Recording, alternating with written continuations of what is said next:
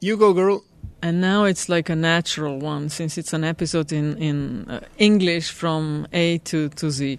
So you're listening to Metasty podcast. It's a podcast uh, on the medium. Uh, about uh, the trends in the media. We speak with uh, people who are journalists, who are in the publishing industry, and my name is Natasha Briški, and and uh, I am still Aljaž Pengov Bitenc, and this is a very special episode of Metasty because we are doing it in the field, as it were.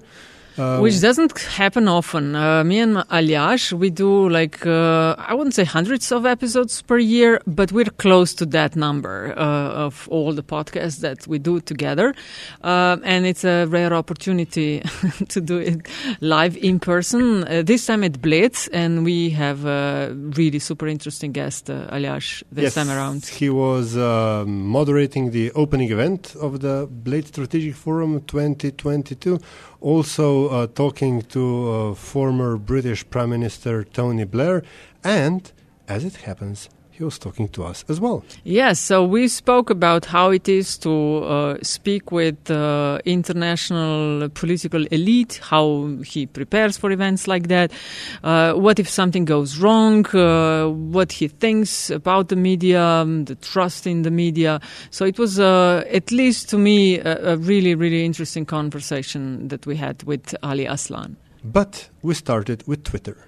I've seen that uh, you being on Twitter is not like a love affair. No, it's not. No, I'm. Uh, you, you, know, I always say because I'm a journalist, I know the mechanisms. I mean, I know I could go uh, up to hundred thousand followers within a week. Uh, I know what it, what I have to do. I'm just not willing to do it. You know, so it's. Uh, I, I, look as a journalist. Um, I'm a rare breed. Maybe I'm old school. I, I like to keep my opinions to myself. Mm, okay. we are grateful that you took out of your busy schedule some time to talk to us uh, uh, for the podcast Metasty. So it's a pleasure to host you. Um, so this is a podcast where we talk uh, with media personalities, uh, people from the publishing industry, about the state of the media, about what they do and how they do their job. So Ali Aslan, for those in Slovenia uh, and, of course, uh, from elsewhere who are not familiar with your work. Could you walk us through a bit your media bio? How, how did you start? Where did you start? And where you are today? Of course. Thank you so much for having me. Uh, it's always wonderful to be in uh, Slovenia. So, even though I'm a German citizen uh, of Turkish descent with Turkish roots, my journalism career, uh, interestingly enough, began in the U.S. Um, I went to study uh, at Georgetown University and then later at Columbia University in New York. And that's where my passion for and interest in journalism really developed. And uh, so I started it from really, I started at the very bottom, meaning as an intern and then as a production assistant and producer. And you know how it is you work your way up and uh, my first stop was actually with CNN in Washington D.C. And then later on, I switched. Uh, I moved. CNN was the first stop. Yeah, but uh, as an intern, uh, don't forget that. not not as the late night uh, uh, talk show host. they had a pretty good one named Larry King back then. so no, they didn't need Ali Aslan for that. But I actually had the privilege of looking over the shoulder of Larry King and and uh, you know learning from him. And and uh, yeah and I think uh, it's it's it's a privilege uh, and uh, I was in my early 20s so that was a very valuable experience. And yeah you're right. I mean CNN is a great place to start but uh, I was I was an intern just just making sure that I soak up as much information and experience as I can. And yeah from there I moved to ABC News in New York and there you know I started becoming a reporter and and yeah and uh, just uh, worked with the American TV legend uh, Peter Jennings mm. many people might not know him or don't remember him here in Europe but um, he he was and is an icon um, uh, one of the most famous TV news anchors that the US has ever had and yeah I feel very privileged to have worked with those people and, and learned from them mm. Not trying to uh, imply anything by this ne- next question, but in today's day and age, would your career trajectory be possible even if you were to start today your journalism career, or even more, would you have chosen your career path today as opposed to well some years ago? That's a very valid and good question. I think uh, I would still try to be a journalist, but you're absolutely right. The the means have completely changed. I mean, back then.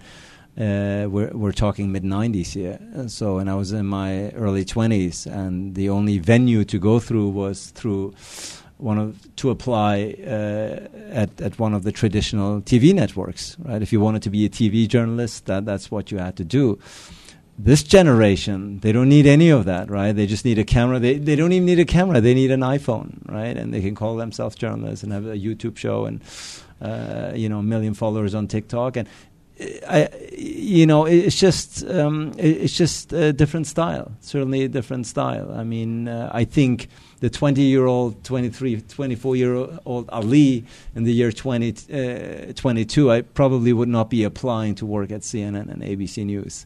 I think I would try to do my own thing, you know, uh, making use of my iPhone or uh, or whatnot. Because let's let's be frank, um, even though I'm a TV journalist, it's a dying medium. Uh, and um, I, I, can't even be so frank as to say I don't own a television anymore. Right? Uh, I think it's it's um, it's uh, you know that medium is, no longer uh, relevant. I may be wrong. I mean, I still consume, interestingly enough, I still consume news as we all do, but through different means now, of course. Mm-hmm. So, yeah, I think uh, this generation of young journalists, um, I don't want to say they have it easier, uh, but they have much many more platforms to choose from and they can do their own thing very early on whereas somebody like me was very much dependent on later on say Deutsche Welle TV to give me my talk show right uh, now uh, you, you, know, if you're talented and you believe in yourself and you have the technical know-how, you don't have to wait for anyone to discover you. You put your work out there, and then you see if uh, you uh, uh, you know, reach enough subscribers or not, right? But look, I, I, mean, I think I would still be a journalist. I, I think it's, um, and I say this as someone whose father was a doctor and a mother was, his mother was a lawyer. You know, for me, there's no other dream job than be a journalist. you know, it's so. I mean, you know this just as well as I do. So many facets. Uh, you know, we're so privileged. I mean, just look at these last two days, right? I, I mean, the time span of 48 hours, I got to interview Zelensky. Uh, I got to do a panel with your new prime minister, with Edi Rama. Today I got a one-on-one talk with Tony Blair. You know, my father may be a brilliant doctor, but he's not not going to get that. You know, so uh, um, so no, I I I'm, I'm, i feel very lucky to have chosen this track. But having, but let's be also honest, it's it's look, it's it's uh, depending on what you want to do. It's it's uh, it's it's um, in the beginning, it's not a well paid job, right? I, I think uh, there's a lot of glamour attached to our profession, and we all know, at least in the beginning, there certainly is none of that, right? It's just a lot of hard work with very little pay, oftentimes temporary contracts, uh, no, no professional security. And I, I know personally many young people who would love to continue uh, on the path of becoming a journalist, but are deciding not to because they're saying no, it's too mm-hmm. too fickle and and and I, I, want a more stable income and so on and so forth. I don't blame anyone for it, but. Uh, uh, that's the truth. And another trend I'm observing is a lot of established professionals actually um, switch going corporate uh, becoming spokesperson or, or as it these days, you know, these fancy titles, uh, um, like, uh, you know, chief com- communications uh, manager, and you know, yeah. y- you know, these uh, or strategist, chief, commu- you know, these beautiful business cards that they all hold, and which which basically is none other than uh, they're making use of their journalistic experience, and let's be also frank, their contact list. Um, so yeah, it's it's I, I think if I talk to young people, and I, I, do talk to young people a lot about this, uh, I always say if you're really feeling it, do it. Uh, it's a great profession. It's a very rewarding profession. Um, but you know, don't don't you're not you're not going to live up the life of uh, Beverly Hills uh, mansions and yachts anytime soon, you know. Uh, but uh, no, I think I think it really affords, uh, especially in times like these, right, where you know the world is looking for clarity, and it is our job as journalists to uh, provide that clarity and sometimes to work through this uh, you know, very uh, intentionally complica- complicated wording of politicians, you know, into what it really means. Um, but uh, yeah, I mean, there are also some uh, worrisome trends, of course, in the business, which I'm happy to talk about. uh, talking about the money, Aljaž, uh, I don't know if you remember, but we ended the previous season talking to a colleague of ours who, when starting a career in journalism, his editor said to him, If you are in it for the money, then just turn around and go somewhere else, just what you uh, just described all three of us uh, are here at Bled Strategic Forum, meeting a lot of interesting people from different fields of knowledge. Uh, tell us, how did it come um, for you to collaborate with uh, the organizers of the Bled Strategic Forum? So, basically, in addition to uh, being a TV presenter, um, I started moderating uh, and emceeing conferences, right? And I just uh, um, enjoy that very much. Uh, apparently, some people thought that I'm not so bad at it, and uh, uh, kept inviting me back. And and so, uh, yeah, it's it's it's something that I really have uh, grown to love, grown to appreciate. The stage work. I sometimes compare it, I guess, the TV work versus moderating on the stage, a bit like a movie actor and a theater actor. Both call themselves actors, but both require very, very different set of skills. Um, so I enjoyed this very much, and um, yeah, the beauty of it is when you're on stage and you're doing a, you're doing your job not too bad, not too shabby. people see you and people notice you, and I think it was the same here. The uh, Secretary General of the Bled Strategic Forum, Peter Grk, who's now become a dear friend. Uh, yeah, just just uh, I guess uh, saw me at one of the events. Thought uh, this guy is not too untalented.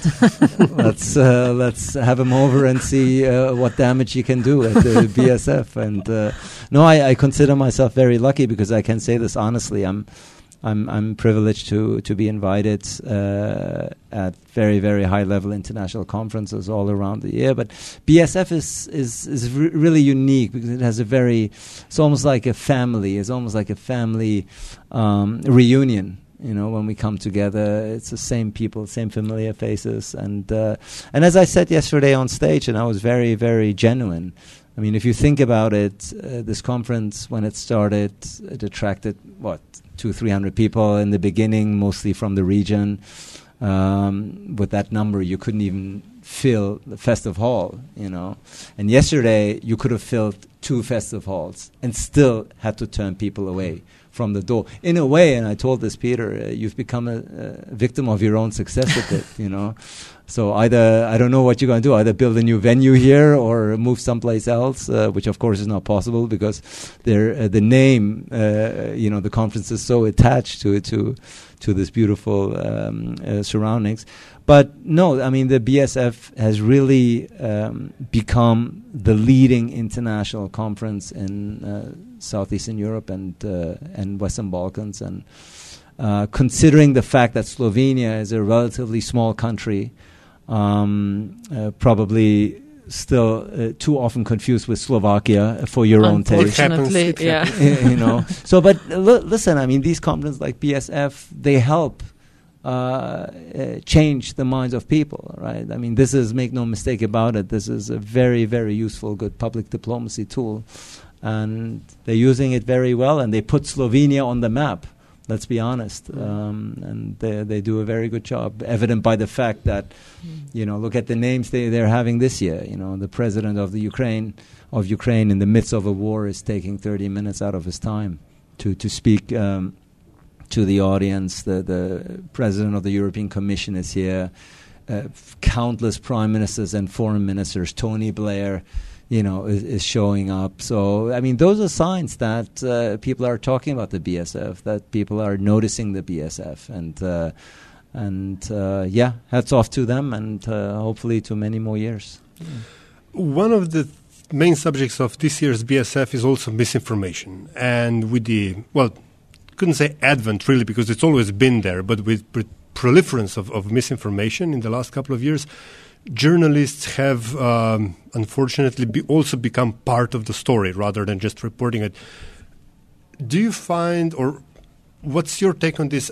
Do our journalists, our media outlets, equipped to advise on, say, public policy on misinformation? Do we, at least instinctively, know how to recognize it, how, how to deal with it? that is a very profound question and one that uh, should be and I think is on everyone's mind in the journalism industry, right? I mean, at the end of the day, and we could count numerous examples, we ourselves, quote unquote, established journalists, we're not immune to falling prey to consuming and then spreading fake news, right? It happened during the pandemic, you know, where many established uh, newspapers were frankly printing bollocks, and and uh, and I'm sure nobody can hundred percent uh, exclude that uh, we're not uh, vulnerable to fake news. Uh, in in this very critical time, where we having door, uh, where we having a war in front of our doorsteps, um, the the trouble that that I see, to be quite honest, and this may be an American disease making its way over here, um, I, you know, I find it hard to dis- to distinguish anyway these days between factual news and opinion. Right? I mean, this is something that many years ago, as you know, was clearly labeled, and an opinion was a you know was labeled. You were a columnist. There was an op-ed. Now, I don't know how you feel about it. Honestly, two sentences into an article, I know where this is going, and I know that the the author is sort of trying to uh, you know, impose his or her opinion on me. And uh, I, I, think this is um, troublesome on, on many ways. Maybe because I'm old and old-fashioned, you know, because I still believe that, you know, my opinion shouldn't really matter. I should be reporting the facts as as truthful as I can, and then let the audience decide for themselves.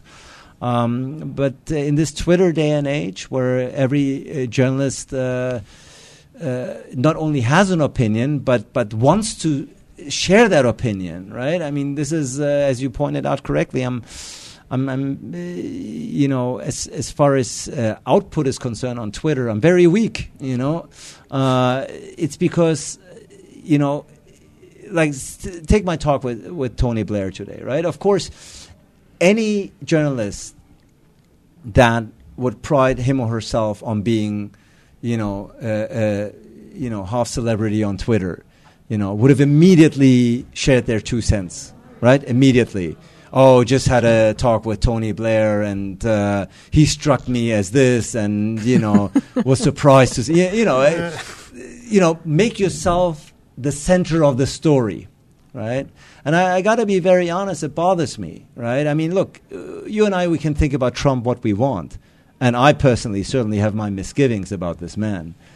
But I was bothered by the fact that entire networks, such as CNN, let alone MSNBC, you know, sort of defined themselves and saw themselves as, you know, the opposition to him personally. You know, they made it personal.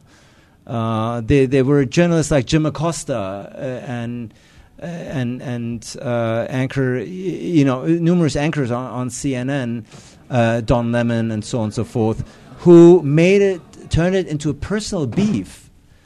And I'm saying, I'm watching this, and I'm thinking, who are you? I mean, who are you? Just just do your job. I mean, criticize when criticism is due. In a sense, uh, you know, let let the reporting uh, do the talking. And uh, I see that trend also. I'm based in Germany, but I follow obviously journalism all around the world. I see journalists who want to be the story, want to be part of the story, you know. And uh, it bothers me, I have to be honest. Um, because uh, I, I tell you why. Because at the end of the day, I think it is contributing to the lack of trust an erosion of trust that we're seeing in the public, you know, for journalists, right? I mean, let, us let's, uh, let's let's not kid each other. If if we do a poll and there are polls out there, which institution you trust the least, Yeah, you have the lawyers, you know, you have the politicians. But look, we journalists, we're right up there because people don't believe in our objectivity anymore. You know, people don't believe that we are impartial uh, conveyors of facts. Uh, they think uh, we are. Uh, there are very numerous stories. I mean, one side thinks we are in cahoots with the government. Okay, uh, and I might be I might be stoned for this, but during the pandemic, you could argue uh, in Europe at least, y- you know, I mean, regardless of what you think of what was the right strategy, and I think in hindsight, everybody knows there was none. I mean, at the end of the day, everybody was trying to do their best, but. Um, if if governments are trying to become or, or are becoming spokespersons of, of their governments uh, in democracies, mind you, not because they have to, then then that troubles me. And and more and more people that I speak to are saying, "Oh, you know, you're uh, you're just one of those. You're just one of those journalists who sort of uh, is in bed, you know, with politics, and you." You scratch each other's backs, and, that is that is very damning. That is a very damning a- assessment because journalism and freedom of speech and freedom of media was pr- was invented and protected so that we hold the powerful accountable. To, Right. to that point, sorry, Natasha, but uh, uh, it's um, obviously I agree because that's that's the basic rule of the game. But if one of the stakeholders, I think is the, the, the, the unfortunate phrase, disobeys the rules, for example, when a populist leader vilifies the media, tells them that whatever they report is is um, either fake news, anti-regime, or wha- whatever. For example, like, like what Donald Trump did, like like numerous European uh, uh, demagogue uh, leaders did. Is it still possible to maintain this um, journalistic professionalism, not necessarily objectivity, because it's a whole other debate, what's subjective, but is it possible to maintain professionalism and yet not respond to attacks that basically undermine the entire rule? We're talking about rule, rules-based uh, societies here in Bled Strategic Forum as well, and this is part of the part of the rules that media are there to not necessarily uh, not necessarily adjudicate, but uh, uh, at least to be allowed to do their job. I mean, and and, and, uh, uh, j- just maybe putting it out there that some some people, some forces do not want the media to do their job. That's a fair point, and and I agree. Look, we live in still in underprivileged circumstances, right? Where which is different in some countries, as you know, just as well as I do. Where if you write something against the government, you end up in jail, basically, right? I mean, you can still write, you know, critical arguments and critical articles about the government and the prime minister and the chancellor and so on and so forth, and and and yeah, be one of the voices out there. But uh, I, I think the the problem I have is certainly not with the criticism. I mean, that is our job, you know. So so we don't misunderstand Yeah, yeah, it, you course. know. But I think, you know, to to it, it's you know to make it a personal thing, right? Yes, Donald Trump was vilifying the media, say you are fake news, that, but you know the answer the answer is and, and by the way let's be honest i mean yes donald trump did that but he was the greatest gift to us journalism Correct. and ratings there ever were i mean look at the ratings of cnn america msnbc america they're plunging Uh, New York Times quadrupled their digital subscriber numbers. there you go and and deep down inside they're praying that he's coming back He sort of is these days with that FBI rate. But- R- right He's back again. I mean, and, and you see it even with the with the people, and I find that, and, and by no means do I want to be misunderstood because once again, personally, I have misgivings about this man uh, called Donald Trump, but but you know, I'm just looking at as a phenomenon uh, from a journalist's uh, point of view, and uh, you know, interesting enough, those who supposedly uh, hated him most can't stop talking about him right? I mean, there's a new president in the White House and has been for a number of years now. But the late night talk shows, for instance, you know, what do they start with? today Donald Trump, you know, today this, and look, it, it, is, it becomes an infatuation, it becomes an obsession, and also, let's be frank, it also uh, it becomes a very easy way for journalists to play the moral high ground, right?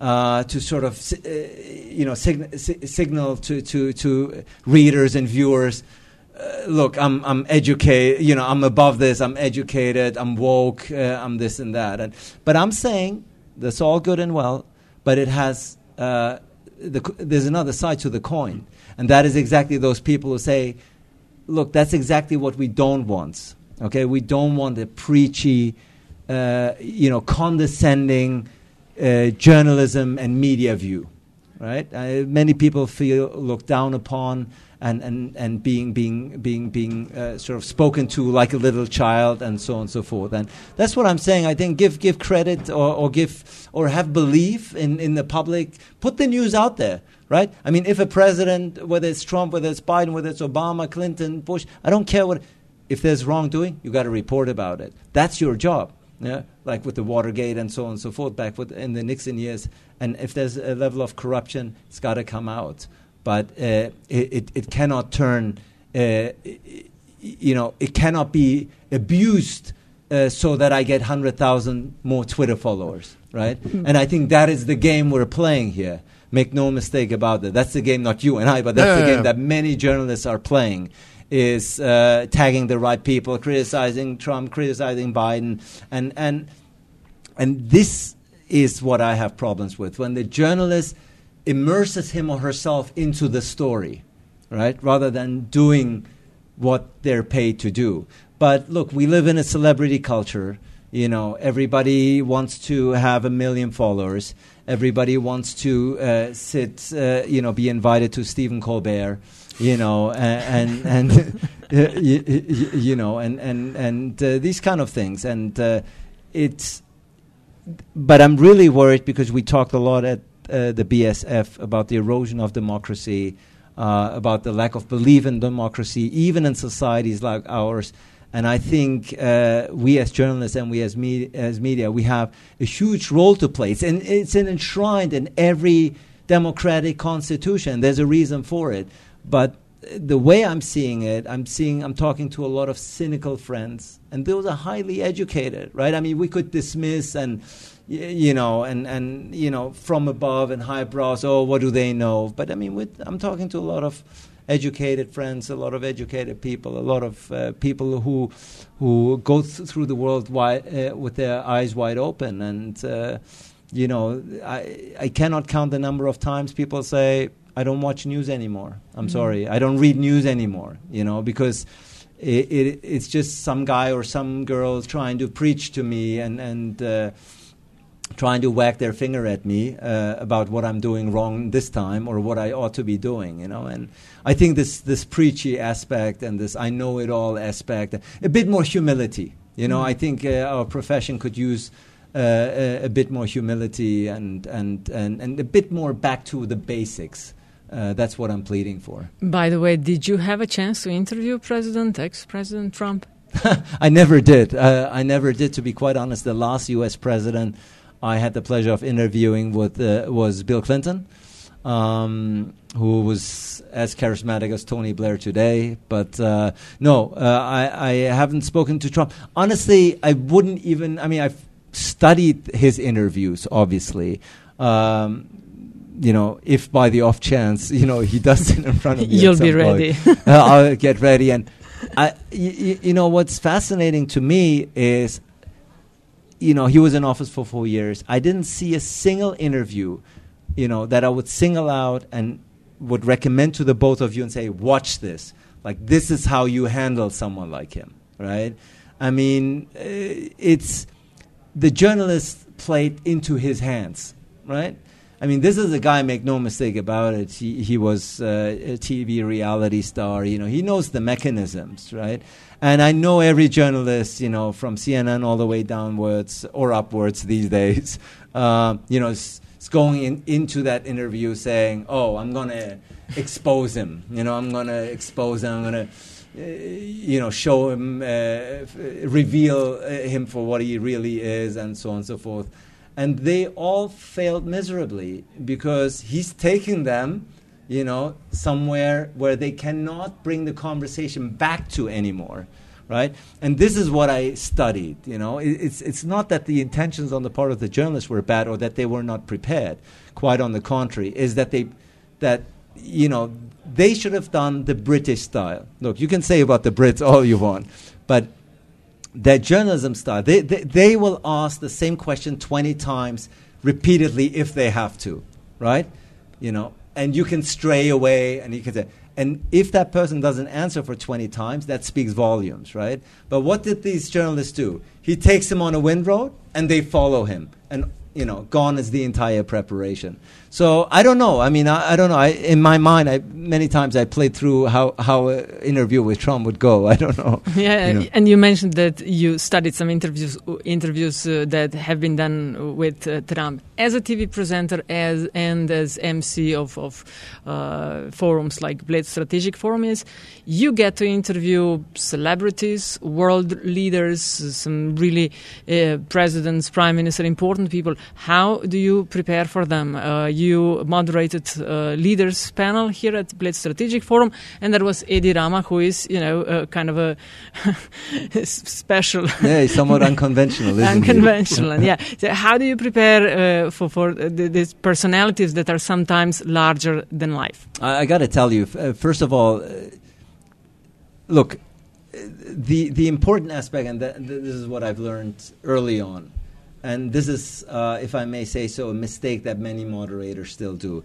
Yes, you gotta you gotta come fully prepared, right? Because this is the basis of the respect that you will receive from your panelists. If they feel or if they sense you're not you don't know what the hell you're talking about and you're out of your depth they're going to play with you right? So you got to establish authority quickly you got to establish authority not by shouting not by yelling but through facts. So right there you're showing these uh, speakers uh, you know i know what i'm talking about and these are the questions i'm going to get through them. But here's the interesting part and this is where many moderators are making the mistake in my opinion. Somebody like Edi Rama albanian prime minister yesterday right? Uh, very like a uh, volcano, right? Uh, uh, and, and very unconventional, saying politically incorrect things and so on and so forth. And many moderators, um, you, you, know, don't have the self confidence, if I may say so, of throwing the preparation out of the window, okay?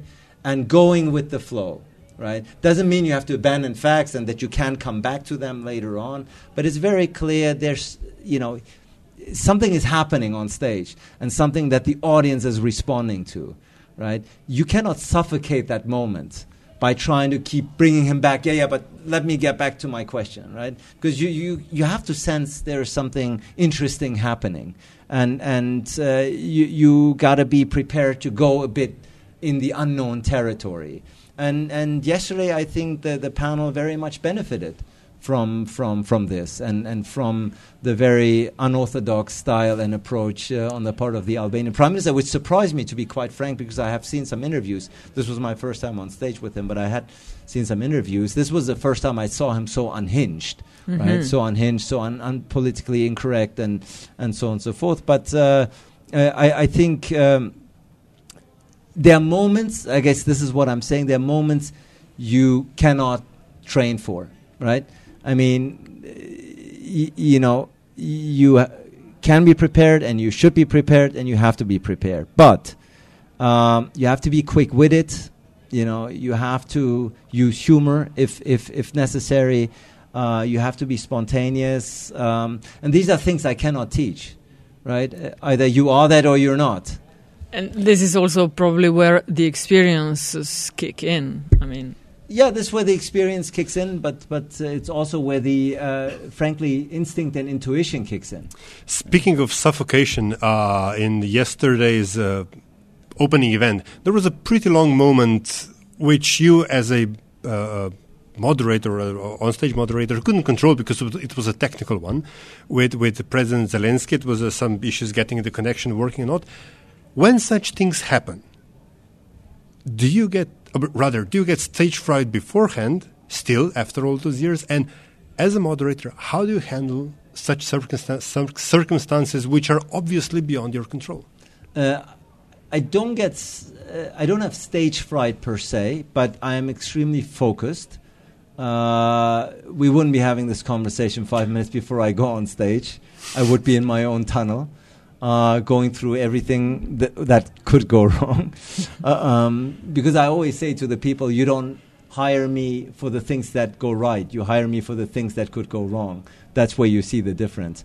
But uh, no, I don't have stage, but I'm extremely focused, of course. You know, and it's it's it's a, it's a positive. I, I compare it a bit like a football player who's about to go on field. You know, in the tunnel, you see their faces, just no mimics. You know, just staring. Uh, you, you know, and and and and, uh, and and and just y- y- you know, getting mentally prepared for the talks. Now, a- as far as uh, the situation is concerned that you alluded to, yes, you're absolutely right. So my task was to go on stage, say a couple of sentences, and then I was assured that President Zelensky, who was joining us live from Kiev, would be up on on stage. Um, of course, that didn't happen. so, but here's the bad uh, part. Uh, I was supposed to get directions from the, the director backstage, like, oh, one minute, two minute, or we're not ready yet. um, his microphone was not turned on, right? So I'm flying blind, right? I have no idea whether it's one minute, it's 10 minutes, whether we lost them completely. So yeah, and all you can do at that moment uh, is, as as trivial as it may sound, is keep talking, right? really, just keep talking, even if you're just saying, "Oh, it's a beautiful setting here." You know, I hadn't noticed the ceilings here. You know, Bled. I can always recommend anyone to come back here. You know, I mean, doesn't necessarily have to make sense, but there's no worse sight, and nobody wants to see that. A moderator who goes silent, right? Who looks behind him and and where you see the panic uh, rising, and no, you, you know, you look, you, you got to overplay it. You got to overplay it, and I did it by, you know, recognizing people in the audience, saying, "Look, who's been here before? Who hasn't been here before?" Uh, there's some young leaders. Could they, could they get, uh, you know, stand up for a second? That buys you time. No, no, you were doing great. It was just that you know the, the, the back backstage mechanics of it. You know, because we Natasha and uh, and I have also uh, shared our uh, our share of um, hosted our share of, of, of, of events, smaller smaller scale, and it's always the things that, as you said, you're they're not they, they go wrong that you're there to, to handle. Yeah, I kept telling Aljaž, oh my God, I, I totally feel him. I know that there must be something wrong and he's just trying to buy I- time Interestingly, because I didn't panic at all, right? I, I mean, I didn't panic, and I hope it didn't show. It, it was just like I was annoyed. I was annoyed that I couldn't hear my Mhm. Yeah, yeah, director, right?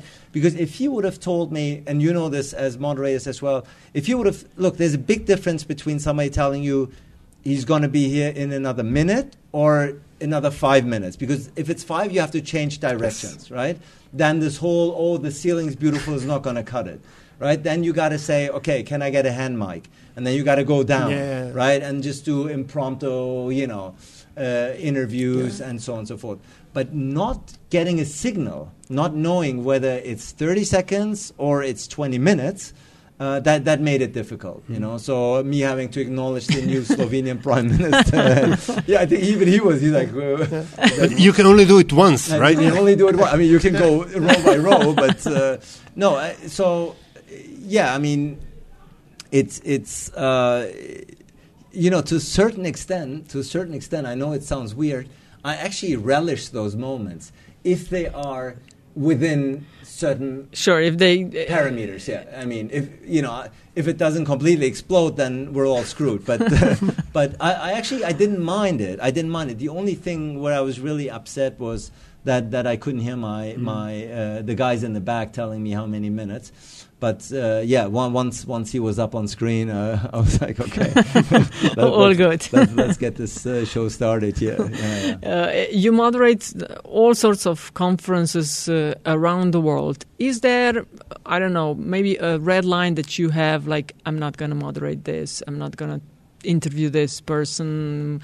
Uh, have you maybe said no to an organizer because of, I don't know, your own rules that you have guiding you which job to take or not? No, it's a very interesting question. Uh, come to think of it, I mean, look. First of all, I think our job requires us to be open-minded, right? I mean, we are we are journalists because we are first and foremost curious, right? So if I'm pre-war, uh, of course, in 2016, get invited to moderate at the St. Petersburg International Econ- Economic Forum, I go, right? If I'm invited to to uh, to moderate at a conference in Saudi Arabia, you know, uh, I go, you know. So, um, uh, are there red lines? Uh, f- honestly, I think those who, you know, where I would have to think twice or may have to reject it I would like to think they would never think of someone like me anyway, because I'm not controllable.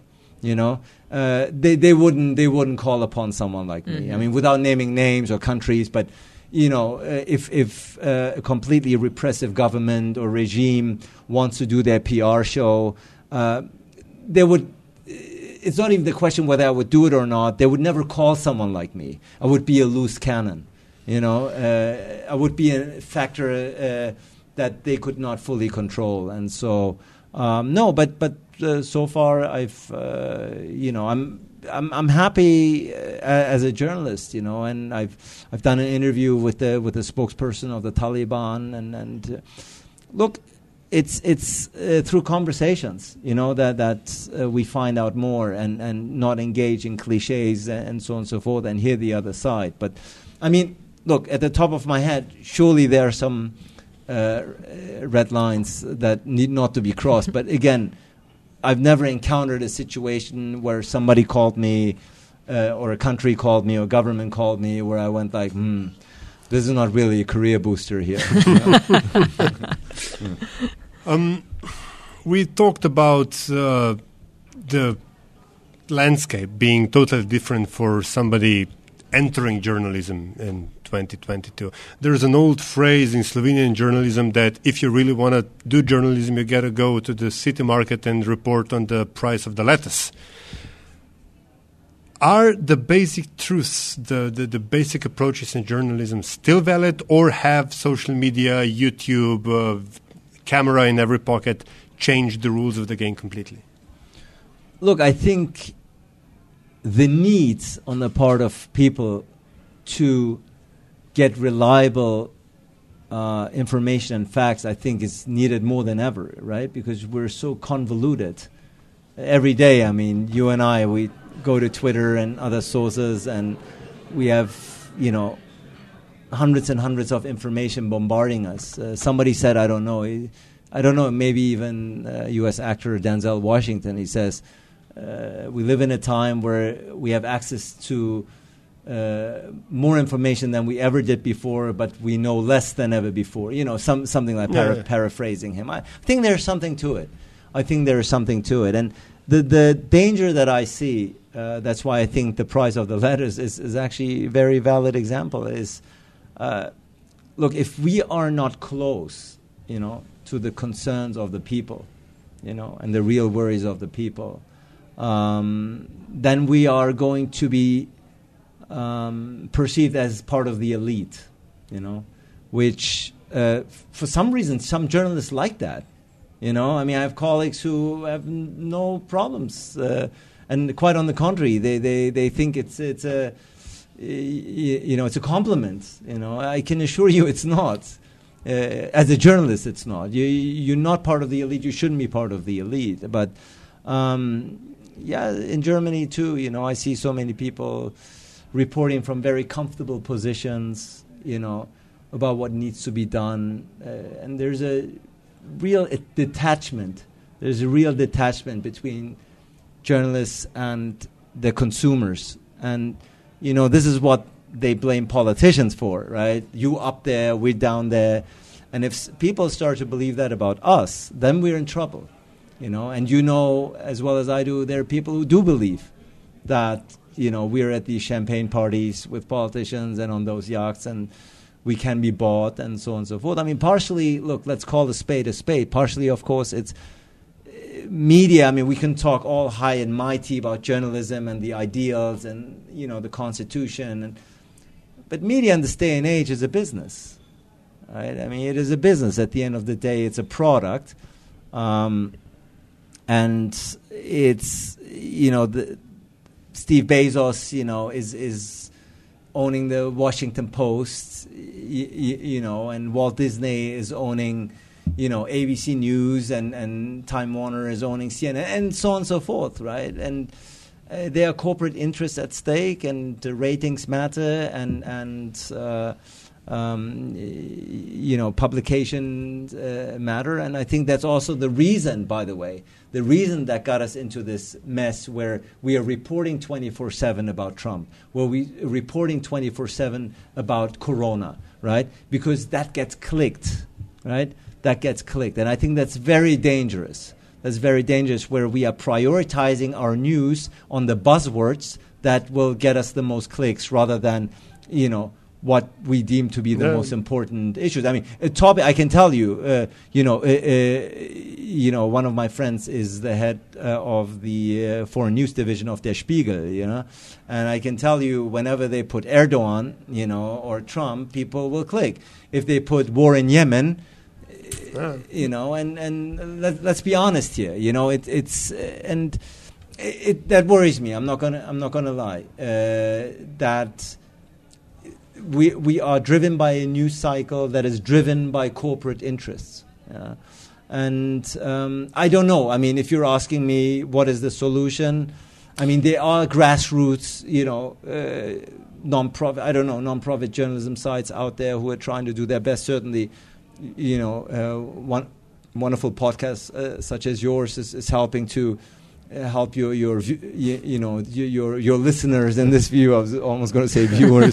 you see this uh, TV journalist Yeah. talking But we are experimenting with the TV as well. as well. Well, So, yeah. unfortunately, but Yeah. yeah. but, but but as you can see, I mean, as you can tell, uh, there's, uh, you, there's a troubled soul sitting in front of you. You know, who's doing a lot of soul searching about his profession and about how we're being perceived and whether we're doing justice by by the ideals that supposedly our our uh, uh, profession brings with it, and uh, I because. uh, you know, I I'm not just a producer of news. I'm also a consumer, and the the the latter, uh, meaning the consumer, is oftentimes frustrated. I'm not going to lie. On being a consumer of news, you interview international political elites. Uh, obviously, you have to keep up with the world events. Uh, what would you recommend, or what are the sources that you go to to be updated? As diverse as possible. yeah. It it really is that way. I think. Uh,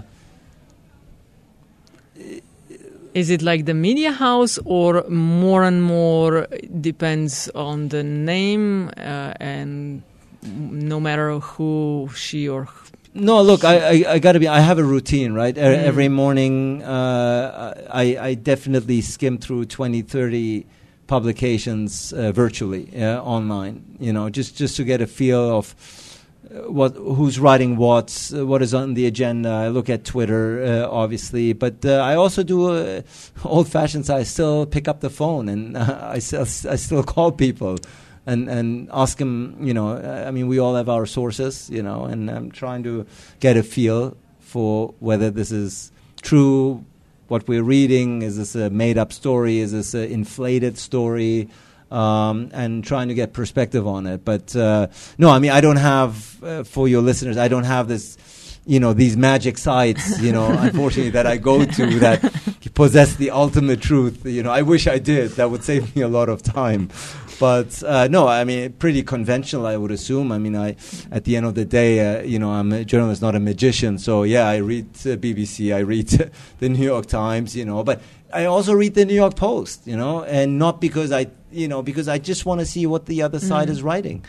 Uh, and and how they are evaluating and perceiving uh, a raid on Mar-a-Lago, right? Because because it it it it, uh, it helps me understand uh, a, a, a- a very different segment of society, and and that is what I bemoan about publications like the New York Times or or you know CNN and and and and to to to a certain degree also German and European publications that they have their ideological, you know, stance, and they're very consistent with that. But you, you know, I don't come to you for a consistency. You know, I come to you to to uh, for you to give me give me an idea of what is happening here. And it's very clear that somebody uh, or an outlet like the New York Times uh, saw themselves as the bulwark against uh, Trump Mm. throughout four years. You know, and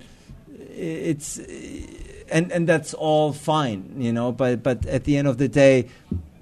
There are no surprises anymore. You know, it becomes very predictable almost like football teams. Do you know what I'm saying? I Yeah, mean, I'm a big football f- uh, fan, and it's very predictable. The the conversation. I love football, but it's the the most primitive conversations in the world surround football, and they're very predictable, right? About my team is the best, yours is the worst, and you know you suck, we are great, and it's become like this in in in put in nicer words. In more sophisticated terms, but it really is that way, right? The, the the newspapers and news outlets have become camps for one side, and I think this is not our job. Yeah, tribalism. Yeah. Um, it's customary on this podcast, which has, uh, if I may Yeah, reiterate, entered its tenth season. Oh, congratulations! Thank you. Uh, we're very proud. You Uh, should be. It's it's uh, it's customary for um, a guest on on Metas uh, Tea to share an wisdom, anecdote, uh, event, something that. Doesn't isn't necessarily connected to your professional life, but can be also. So you know, the, the interesting tidbit. Tell us something we don't know. so, oh, that that uh, I don't know how much time you have. This is uh, I could tell you a lot of things that you don't know, but I think we'll we'll we'll keep it uh, short. I mean, the one thing you probably don't know is that uh, prior to uh, becoming a journalist, I was actually an aspiring professional football player uh, in Germany for a club called St. Pauli. They're still playing in the second division. I believe we have a serious uh, fan in Slovenia, Igor Ebergant. I believe is St. Pauli, okay. Ah, Yeah, yeah. So I played for them. Uh, I grew up in Hamburg, so so I played for them.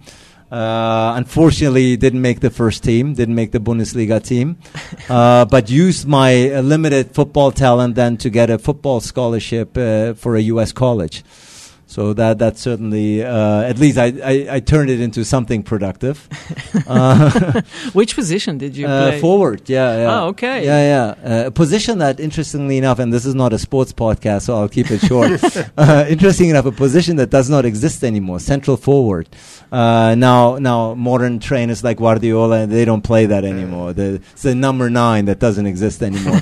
but uh, like me, you know, it has become outdated, and outdated, uh, outdated relic. Uh, but uh, no, I mean, look, uh, as far as anecdotes, look, in my profession, uh, you know, I'm lucky, I'm privileged to, to be able to do this at such a high level that, of course, you get to observe a couple of things uh, behind the stage, you know, and, and uh, yeah, it's it's uh, uh, you know you know one thing that happened yesterday with me waiting for the lines to Kiev uh, to be Okay. put up. That was actually easy. I remember a, an event I moderated for the OECD in Paris, and uh, the uh, Crown Princess Mary, the Crown Princess of Denmark, Mary, she was actually supposed to come in person, and she was there in person, but. Uh, I got misinformed. They told me, go on stage, announce her. She's coming. Uh, it took another 10 minutes for her to show up. You know, I mean, yesterday was a walk in the park. You know, the the the the the, the loops I was I was uh, I was jumping through.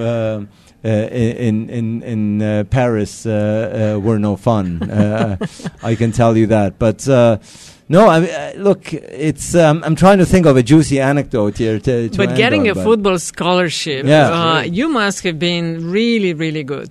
Uh, Yeah. yeah, well, the Americans so bad. I don't know. It's uh, no, no. Look, it was it was good. You know, I mean, But I believe that the DC team has been pretty good because of the Latin. I, I lived in, for six years in, in close to Georgetown, Yeah. so I that there's a Latin community is quite strong in, in Washington. So I believe that their uh, football team united, right? DC yeah, yeah, United. yeah. The, the the sad thing is when I started college in the U.S. in the '90s, uh, the Major League Soccer hadn't uh, been invented yet, so there was no professional football uh, or soccer, as the Americans call it. Yeah, yeah. Terrible term. I hate it to this day. Uh, uh, did not exist. So yeah, I was confined to my.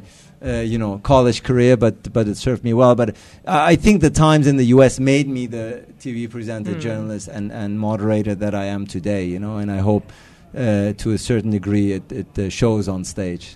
Ali Aslan, you've been more than generous with your time, and thank you very much for being a guest on Metas podcast. My pleasure, and to many more years. Uh, I'll come back for the 20th anniversary.